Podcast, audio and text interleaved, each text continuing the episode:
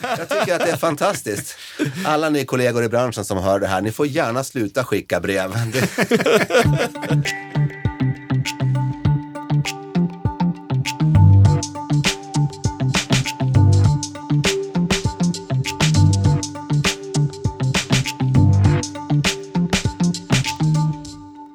Henrik, vi är ju bästa vänner, men det har vi inte alltid varit. När lärde vi känna varandra? Eh, ja, det är väl eh, två och ett halvt år sedan ungefär. Ja, precis. Och då jobbade jag på Operation Smile som eh, marknadschef och vi hade tagit beslutet att ha en vårkampanj som var en kanonidé, men vi kunde inte riktigt ta det vidare från idén till verklighet. Och då sökte vi en projektledare och in gled Henrik Östman. In gled Henrik Östman och för det ni ville göra det var ett lopp eh, var ursprungstanken och eh, jag har jobbat med väldigt mycket eh, lopp av insamlingskaraktär kan man säga. Och då så jag antar att det var det som var den lockelse för, för er. Eh, men vi kände ganska snabbt att eh, göra ett lopp på så kort tid och få något pang för investerade pengar, det var, det var inte riktigt bra. Så då satte du och jag oss i ett eh, rum med en whiteboard. Och eh, då upptäckte vi att här händer det grejer. För whiteboardmöten, det, det har blivit lite grann av ditt och mitt signum. Att få spåna loss lite grann. Och vi gjorde om alltihop. Och lärde känna varandra och varandras kvaliteter eh, väldigt mycket under det här whiteboardmötet. Och sen rann det bara vidare under två års tid när vi gjorde totalt fyra kampanjer ihop och eh, sen så jobbade med Operation Smiles utställning Smile and the rest will follow på Fotografiska under slutet av 2018, början 2019. Och när den var slut så var ju din projektanställning slut och då var det ju så här, men jaha, nu då? Och därav att vi sitter här. Ja, men det var ju lite så faktiskt. Vi kände att vi måste ha någonting som gör att vi får fortsätta göra lite eh, tavelmöten, eh, någonting som gör att vi får känna lite jobbkänsla och den pulsen. För eh, det vi har gemensamt och, och, och, och, de här beröringspunkterna, ja, vi har varit inne på det tidigare, det är den kommersiella idrotten. Va, vad är det du har gjort i den kommersiella idrotten Ted som, som passar så bra in i den verksamhet du jobbar i och, och, och i den match du och jag har? Ja, nej, men min eh, bakgrund inom idrotten är framförallt eh, idrottsevenemang eh, av större karaktär. Hockey-VM, fotbolls-EM och sista var skid-VM i Falun.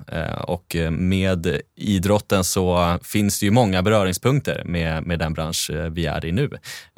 det bygger mycket på engagemang. det bygger på givande i annan form. Det är biljettförsäljning men det är ändå en form av, av eh, eh givande eh, och det bygger också mycket på partners och det är ju framförallt eh, inom den biten som vi också har klickat. Och vad är din idrotts Ja, min idrottsbakgrund eh, eh det är att jag var en habil längdskidåkare. Eh, men jag har ett brinnande idrottsintresse vilket gjorde att jag eh, sökte mig in i den kommersiella idrottsdelen, började jobba på Eventum, ett stort känt företag inom den här branschen i mitten på 90-talet. Arbetet... Och där har ju jag gjort eh, praktik på eh, Håkansson United som är delägare i Eventum. Så vi har beröringspunkter lite här. Vi har beröringspunkter även där. Eh, och där jobbade jag med, med all tennis i Sverige, jobbade med Svenska rallyt. Sen gick jag vidare därifrån och började jobba med allsvenskan i fotboll och det som idag är SHL, hette elitserien på den tiden. Eh, och lärde mig eh, hur man arbetar för att finansiera och att eh, till och med leverera vinst till eh, idrottsrörelsen och till de bolag som, som driver det här. Där har ju alla de eh, sporter jag har jobbat med varit väldigt framgångsrika. Eh, sen fick jag en fråga ifrån en rökfri generation i början på 2000-talet om inte jag ville använda mina kunskaper in i den här branschen som vi är i nu och eh, applicera det på att, eh, ett företagssamarbete åt dem. Så kom jag in i branschen och sen blev jag kvar. Just med den kunskap som jag har på partnersamarbete, företag, sponsring. Och sen så, som sagt, så sammanstrålade vi genom Operation Smile. Eh, och eh, anledningen till att vi byggde upp här, det var ju för att idag, dagens avsnitt blir ju väldigt mycket Operation Smile. Eh, eftersom vi kommer att ha Johan Norrby, eh, insamlingsansvarig eh, för Operation Smile. Eh, och vad ser du fram emot den här idén? Ja, men det blir spännande att höra Johan just därför att vi har ju jobbat så nära Johan, du och jag. Eh, se om liksom den känslomässiga research man har på, på Johan stämmer överens med det sätt som Johan vill berätta om sin karriär och sitt eh, arbete. För det är ju så att eh, dagens gäst, Johan Norrby, han eh, är jämnårig med mig, precis som Charlotte Ryd var. Och eh, han har arbetat på Lutherhjälpen, han har jobbat på Västerås Stadsmission, Järnfonden och han är insamlingschef på Operation Smile. Dagens gäst, Johan Norby. Och hur hamnade du på Operation Smile? Det var lite grann av en slump. Jag och Operation Smiles dåvarande generalsekreterare råkade hamna bredvid varandra på en workshop på IFC, alltså International Fundraising Congress i Holland. Och började snacka och kom på att vi var svenskar båda två och ja, att hon drev Operation Smile och att de behövde en insamlingsansvarig. Spännande. Och vad visste du då om Operation Smile? Eh, jag visste en del för att jag hade hört, jag hade hört Operation Smiles grundare Bill, Bill McGee tala på IFC ett par år tidigare och blev enormt berörd av hans, av hans framträdande och hans berättelse. Ett oerhört karismatiskt och medryckande och engagerande föredrag som han höll. Så att jag visste ganska väl vad Operation Smile var. Så att när möjligheten dök upp att få vara med och bygga upp i Sverige, så ja, det var skoj. Då var du superintresserad? Ja. När var det du eh, började? Vilket år var det? Jag och började, hur mycket samlade ni in då? Eh, jag började på Operation Smile i januari 2013. Och eh, under 2012, om man säger kalenderår 2012, så tror jag att Operation Smile drog in 12-13 miljoner totalt sett i omsättning. Och det samlade ni in i månaden nu eller? Ja, nästan. En riktigt bra månad i alla fall. Men eh, berätta, hur mycket samlar Operation Smile in nu? Eh, senaste verksamhetsåret så landade vi på en bit över 100 miljoner kronor. Ja, häftigt. Så och det har hur, varit hur har det gått till? Hur gick den resan? ja, vad var det Vad som hände? hände? Vad hände? Ja, vi började jobba med insamling ordentligt. Det var väl det som hände. Vi började titta på, eh, ja, vi började jobba mer systematiskt med att, eh, med brev eh, till privatpersoner. Att vara noga med vilka vi vände oss till. Med hur vi frågade om gåvorna och kanske allra, allra viktigast hur vi följde upp. Hur vi tackade för gåvorna, hur vi bad om nya gåvor, vilket budskap vi anv- försökte använda oss av. Eh, den känslan som vi försökte bygga in i breven och på något vis hitta ett sätt att kapa avståndet mellan givaren och den som i slutändan blev mottagare av gåvan eller den som blev mottagare av hjälpen, barnet som behövde en operation. Att försöka hitta sätt att ta de här närmare varandra, rent kommunikativt. Hur, hur har på de här åren som du har varit kommunikationen utvecklats där? Liksom? Hur, hur såg det ut när du började och hur har liksom resan gjort i, i det sätt ni pratar till givaren? Jag vet inte om det, har, om, om det har förändrats så väldigt mycket på vilket sätt vi pratar till givaren. Jag tror att vi har blivit bättre på att, att göra det personligt. Att vi, att vi använder oss av våra medicinska volontärer som avsändare för att det ska bli greppbart för givaren. Eh, det blir väldigt långt för en givare någonstans ute i Sverige. Det blir ett långt avstånd mellan givaren och ett barn, säg i Madagaskar eller Etiopien. Men om det är en svensk läkare eller sjuksköterska som står som avsändare, som, som på något vis både kan gå i god för att det här är någonting viktigt, att det är seriöst, att pengarna verkligen går fram och gör nytta, så blir det lättare för givaren att relatera till också. För alla människor har någon slags kontakt eller relation till, till en sjuksköterska eller läkare eller någon i vårdkedjan. Så det blir mycket lättare så. tror jag.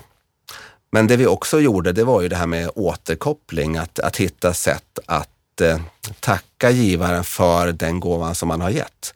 Att återkoppla på det, att inte bara prata väldigt allmänt utan att tacka jag tackar dig Henrik för den gåvan på x antal kronor som du gav just den här dagen. Just din gåva var viktig. Det tror jag, bety tror jag betytt väldigt mycket för att få människor att tro på oss, att ha förtroende för oss och att vilja vara med och ge fler gåvor. Har du alltid jobbat så? Eh, eller var det någonting du började med när du kom till Operation Smile? Till viss del har jag nog försökt jobba så. Eh, men eh, Operation Smile har ju en fantastisk möjlighet med våra medicinska volontärer som åker ut och möter de här barnen som behöver hjälp och som behöver en operation. Så att, att använda oss av, eller att låta volontärerna vara våran röst i kontakten med givarna är väl någonting som vi har utvecklat mycket på Operation Smile.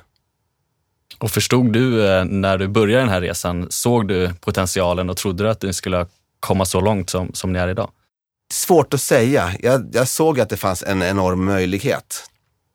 Men om någon hade frågat mig för sex år sedan när jag nyss hade börjat, om jag trodde att vi verkligen skulle samla in 100 miljoner om bara sex år så vet jag inte om jag hade rakryggat kunnat våga tro på det. Eh, men det var en förhoppning.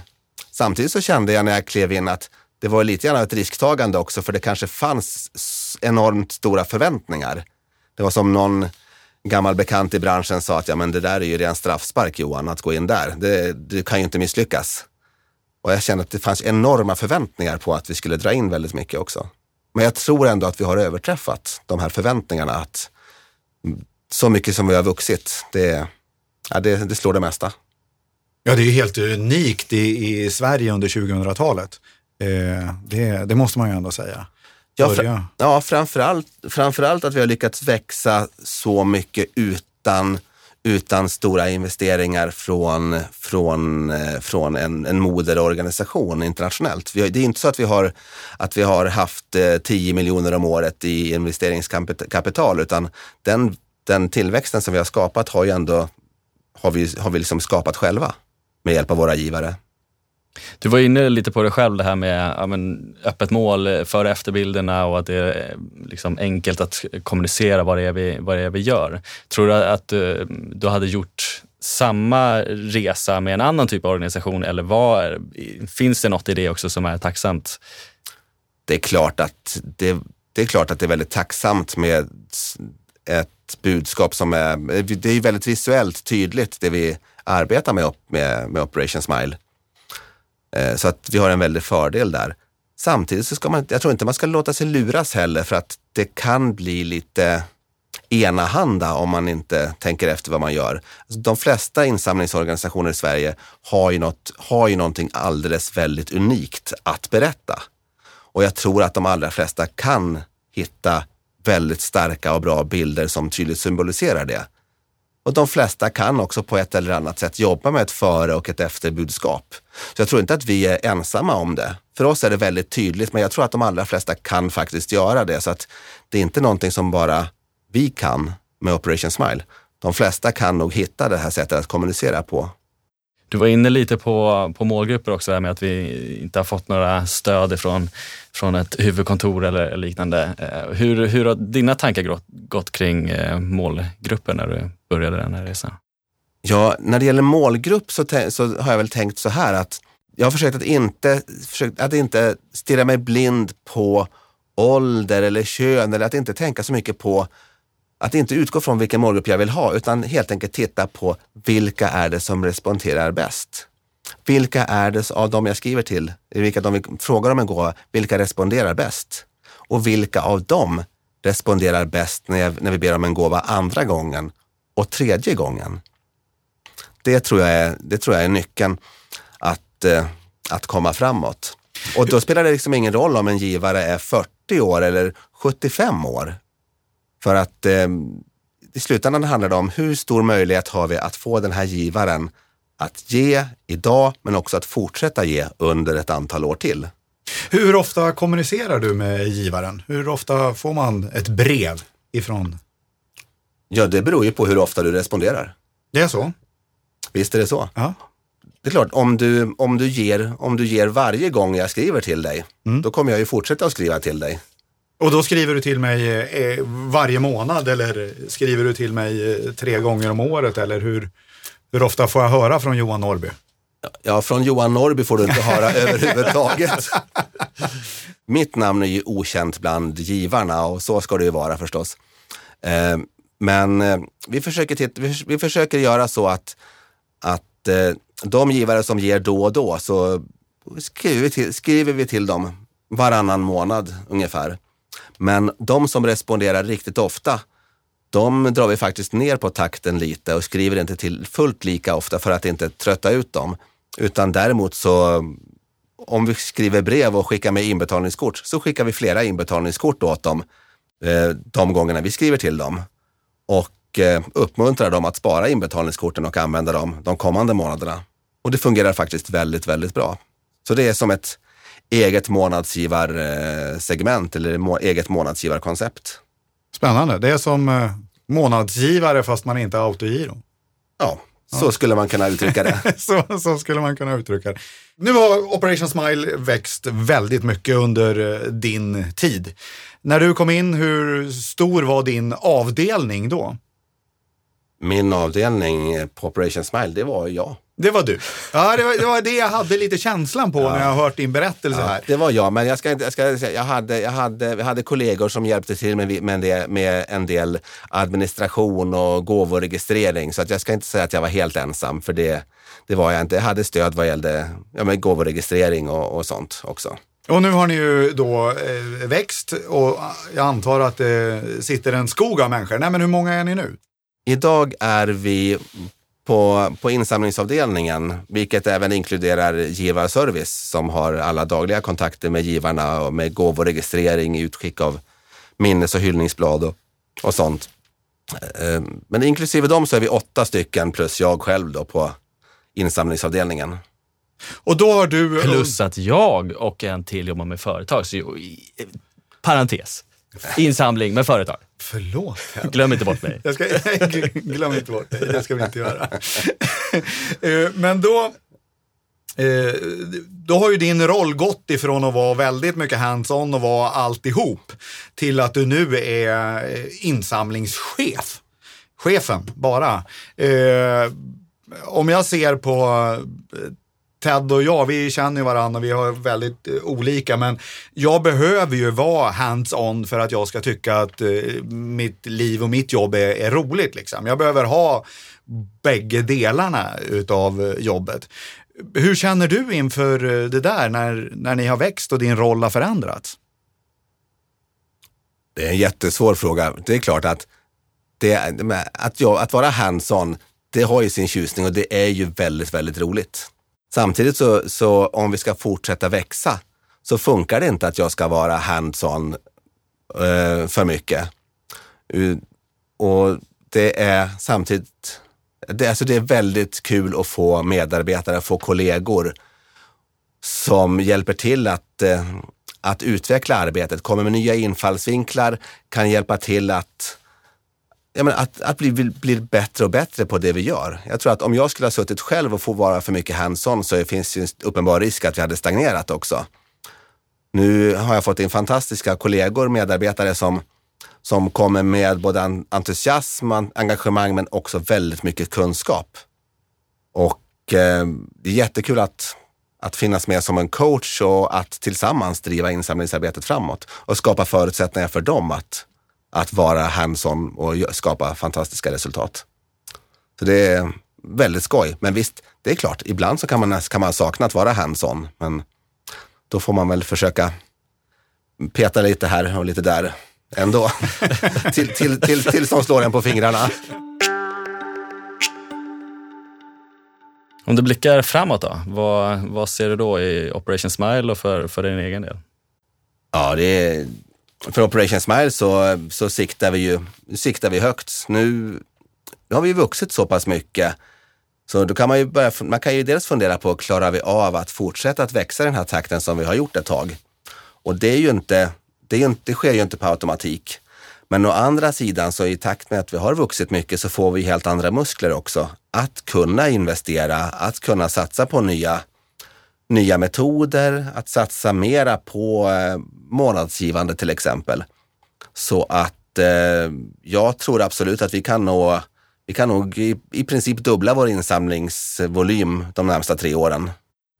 Och eh, längre än så törs jag inte ha, ha perspektivet varken för mig själv eller, eller Operation Smile just nu. Men det är spännande, ni tar höjd. Vi tar höjd. Mm. Hur eh, kommer den höjden att, märkas? Kommer ni att köra mera tv, göra tv-gala eller kommer ni fortsätta som du gör men med de här mer musklerna? Ja, på fråga A vill jag inte uttala mig riktigt. För det, jag vet faktiskt inte exakt vad vi kommer att göra. På den andra frågan, det är klart att vi kommer att fortsätta med breven. Eh, för vi har fortfarande fantastiska resultat på våra insamlingsbrev, så det vore ju dumt att, att inte fortsätta med dem.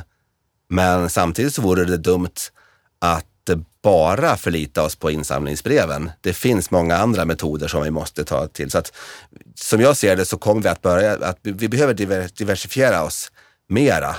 Men vi kan nog fortfarande bli bättre på att använda breven också som en insamlingsmetod. Johan Norrby, Operation Smile. Eh, du eh, jobbar ju mycket med att kommunicera med brev, skicka brev. Eh, hur jobbar Operation Smile med brev? Hur, hur, ser, det, hur ser det ut? Oj, hur ser brevet ut? Ehm, vi jobbar, alltså för oss är ju brevet en möjlighet att beröra människor, att, att nå fram till människor. Brevet är ju bara en, en kanal att nå fram med budskapet. Men vi tror också att, brev, att brevet är väldigt bra för att verkligen komma nära människor. Om man vill verkligen beröra människor så tror jag att brevet är eh, svårt att, att överträffa. Vill vi bara komma ut med information så finns det många fler, fler möjligheter.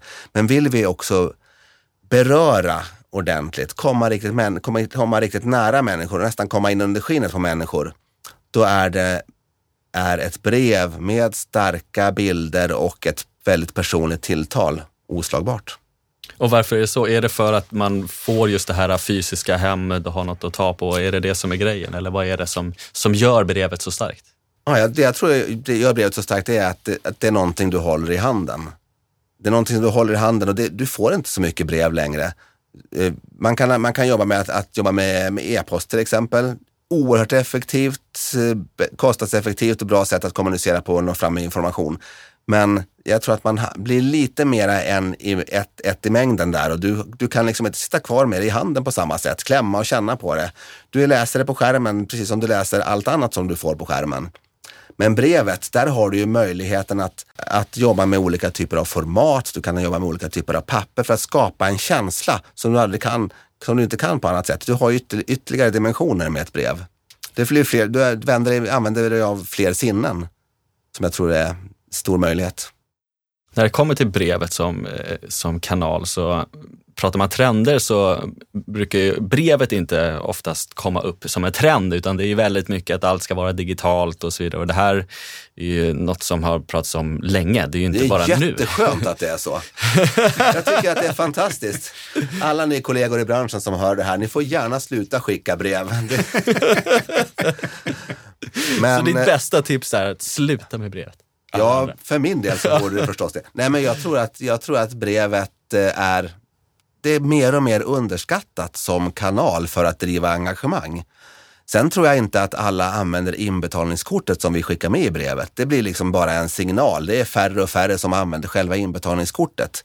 Vi ser ju att folk responderar på andra sätt. Och de som får ett brev så är det fler som, som går in och betalar, betalar via sin internetbank eller gå in och betala via webben eller kanske swishar en gåva. Men brevet i sig som, som kommunikationsväg för att verkligen beröra människor, den tror jag är oslagbar.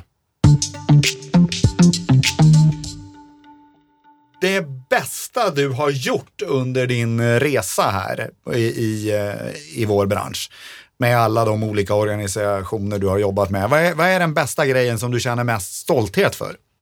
Oj, jag tycker att det är jättesvårt att välja ut någon, någon, någon enstaka, enstaka grej. Det kan vara allt från någon gång jag varit ute och träffat givare och hållit föredrag och man har med sig så pass mycket engagemang och man kan berätta så pass målande som att man känner att man verkligen berör människor på djupet och människor kommer fram efteråt och, tycker och tycker att det var fantastiskt det man fick höra och att de vill fortsätta och ge, kanske öka sitt givande.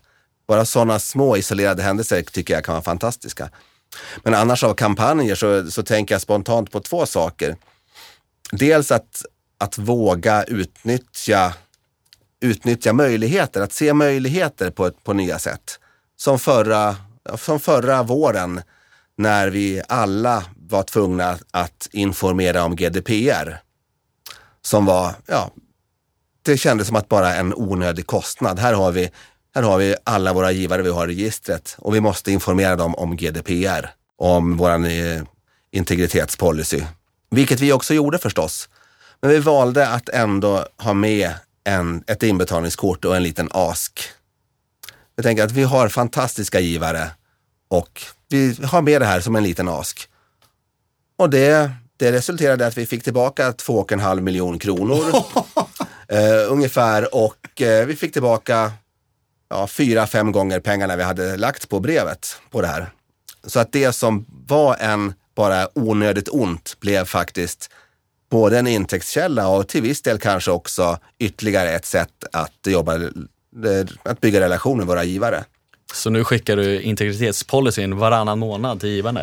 Nej, jag sitter och funderar på vad vi kan hitta på, hitta på för något nytt eh, torrt och byråkratiskt uttryck som vi kan göra det här året för att...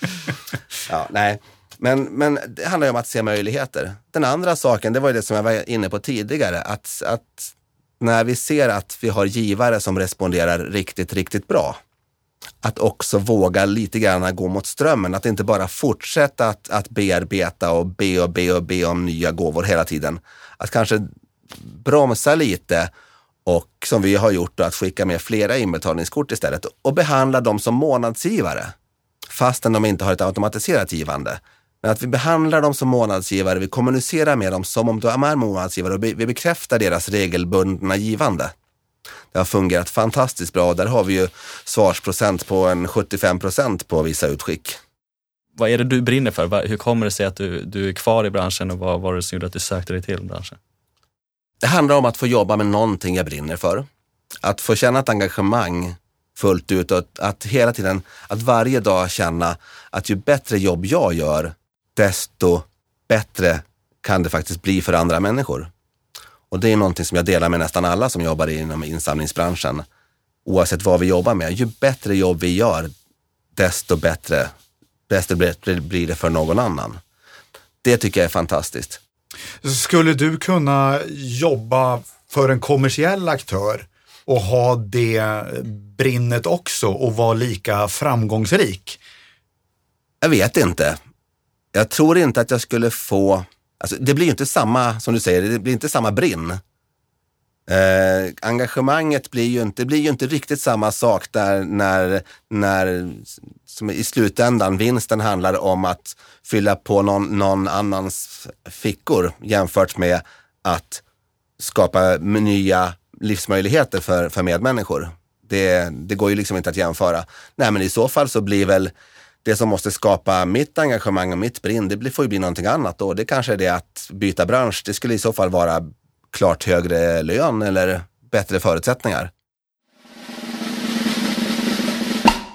Johan Norrby, nu har du gästat Insamlingspodden och vi har en fråga som vi ställer här till alla som är med och det är nämligen var går gränsen? Vem kan man ta emot pengar ifrån?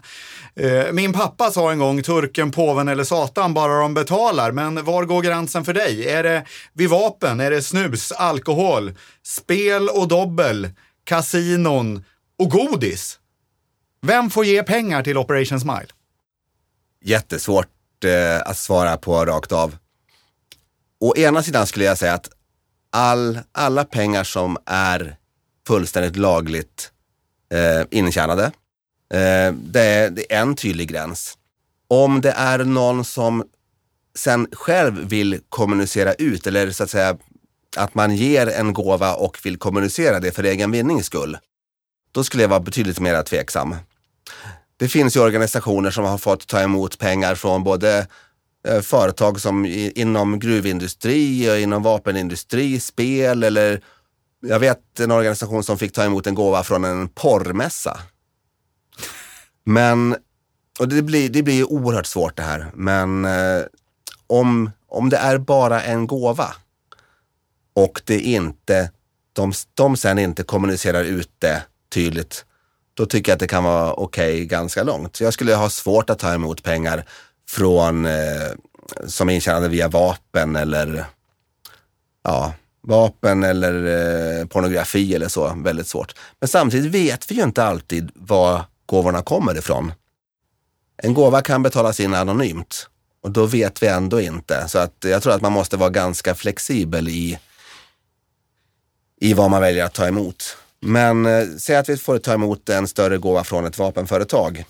Då skulle jag nog kontakta dem och göra, bara göra väldigt tydligt att vi tar gärna emot gåvan om ni inte själva väljer att kommunicera ut det här. Men om ni väljer att använda det här för att skapa ett mervärde gentemot, mot, oavsett om det är mot kunder eller mot anställda, då kan vi tyvärr inte ta emot den. Eh, har du eh, varit med om det här rent konkret eller var det bara hypotetiskt det du nu sa? Jag har varit med om att ringa upp företag och säga att, att jag är tveksam till att ta emot gåvan. Eller att vi faktiskt har tackat nej. Men jag har också varit med om att vi har tagit emot en gåva anonymt och sen plötsligt sett det företaget själva tala om att nu har vi gett en stor gåva till Operation Smile. Eh, utan att vi kanske hade velat synas i deras sammanhang. Det var inte på Operation Smile det här, men eh, det skulle lika gärna kunna förekomma hos oss. Då tackar vi Johan Norby från Operation Smile. Hur kändes det där? Kul! Ja. Det är alltid kul att prata om insamling. Härligt. Ja, det, det, det, det kändes som att du eh, gick igång där, speciellt när vi kom in på brev och sen så vart det eh, både porr och allt annat. eh, om du skulle eh, lyssna på nästa veckas eh, poddavsnitt, vad skulle du vilja lyssna på då? Eller vem skulle du vilja höra? Oj, vad eller vem? Um, jag vet faktiskt inte. Det finns ju många fantastiska personligheter i, i våran bransch. Många som är fantastiskt duktiga. Jag skulle gärna höra, höra någon, någon från någon annan organisation som har vuxit mycket. Någon som är upcoming och höra, höra vad de har gjort. Eh, någon av de senaste årens eh, årets insamlare. Skulle vara väldigt kul att höra. Um, men också någon som kan ge exempel på bra men, eh, har något bra case att berätta om. Som involverar olika tester eller om det är någon ny kanal eller ja, någonting sånt. Vore skoj att höra om. Nu har jag noterat allt du har sagt här. Eh, och, och, skickat så... ut tre inbjudningar. Precis. Eh, så nu får vi tacka dig för att du har varit här, så ska jag skicka ut eh, de tre inbjudningarna. Stort tack för att du tog dig tid att vara med i Insamlingspodden. Tack. Ja, men det här var ju oerhört spännande Ted att få sitta ner och snacka med, med Johan som om vi vore polare. Fast eh, nu satt vi i lite andra roller, du och jag som driver podden. Vad känner du? Äh, men, eh, jättekul att ha Johan här. Eh, jag har ju känt honom i ett par år nu eh, och man imponeras ju över den resan ändå som Operation Smile har gjort under eh, hans eh, tid som insamlingsansvarig. Det är ju otroligt häftigt, den utvecklingen och där man är idag och att eh, också den känslan att det slutar inte här. Sen är det ju, han älskar ju brevet. Ja, men han gör ju det. Va? Brevet är ju, är ju verkligen för honom och jag, och jag tycker det var fint på det vis som han beskrev hur han skapar relation med brevet. Att det här han pratade om tackandet, att eh, tack du för att du gav den här slanten då. Och hur, hur han liksom verkligen har en personlig relation, eller vill ha det, på, på det här viset med, med brevet. Jag tycker det var, ja, det var, Nej, var fint. Och man, man älskar ju folk som är experter på någonting och som är liksom verkligen nörd på någonting. Och det är ju han i brevet och det är därför det är så himla framgångsrikt också. Han sitter och tittar på små, små detaljer och också väger in allt möjligt. Eh, och eh, därav att han också har lyckats otroligt bra med det. Och, och det går ju liksom inte att, eh, att ifrågasätta heller. Eh, utan det är ju en del av eh, Operation Smiles eh, stora framgång. Absolut, absolut. Så är det ju. Och jag, jag känner vi, vi måste ta det här vidare med, med just den här delen av, av insamling. Bjuda in en gäst som eh, får berätta kanske från andra sidan hur man jobbar med, med brevet och hur man jobbar med, med relationer. Så att eh, den här grejen har inte jag släppt. Absolut inte. Och sen är det ju otroligt intressant. Alltså, jag kom ju, min roll från början på Operation Smile var ju just digital kommunikation. Eh, så att eh, för mig så blev det ju lite av en chock, både eh, att inse vilken typ av målgrupp, inte bara Operation Smile utan vår bransch har. Och också på sättet man arbetar. Det var ju helt nytt för mig. men otroligt lärorikt och spännande. Men det ska också bli väldigt kul då att Eh, få med någon här i podden som eh, jobbar med digital insamling eh, och, och är framgångsrik i det och få höra den aspekten. Precis, och där, eh, lyssnare hörni, ni vet ju vi har Instagramkontot Insamlingspodden. Det är det sätt eh, där vi känner att vi kommunicerar bäst med er lyssnare. Så gå in och skriv där tipsa oss om någon som är bra på digital insamling då, så vi kan bjuda in en sån gäst också. Och gärna en eh, kvinna det var ju också något eh, nytt för mig när jag kom in i branschen. Jag trodde jag, det var bara Operation Smile som det var kvinnodominerat, men sen visade det sig när jag kom på FRIs eh, insamlingsgrundkurs att eh, av 50 personer var vi kanske tre herrar. Och nu sitter vi två gubbar här och precis pratat med en gubbe. precis. men det blir bra surr med Johan, Absolut. tycker jag. Det har varit en bra episod och vi, vi slutar väl där. Tackar dig för att du har lyssnat idag. Och sen så kommer vi tillbaka med ny gäst, nytt tema om en vecka. Hej!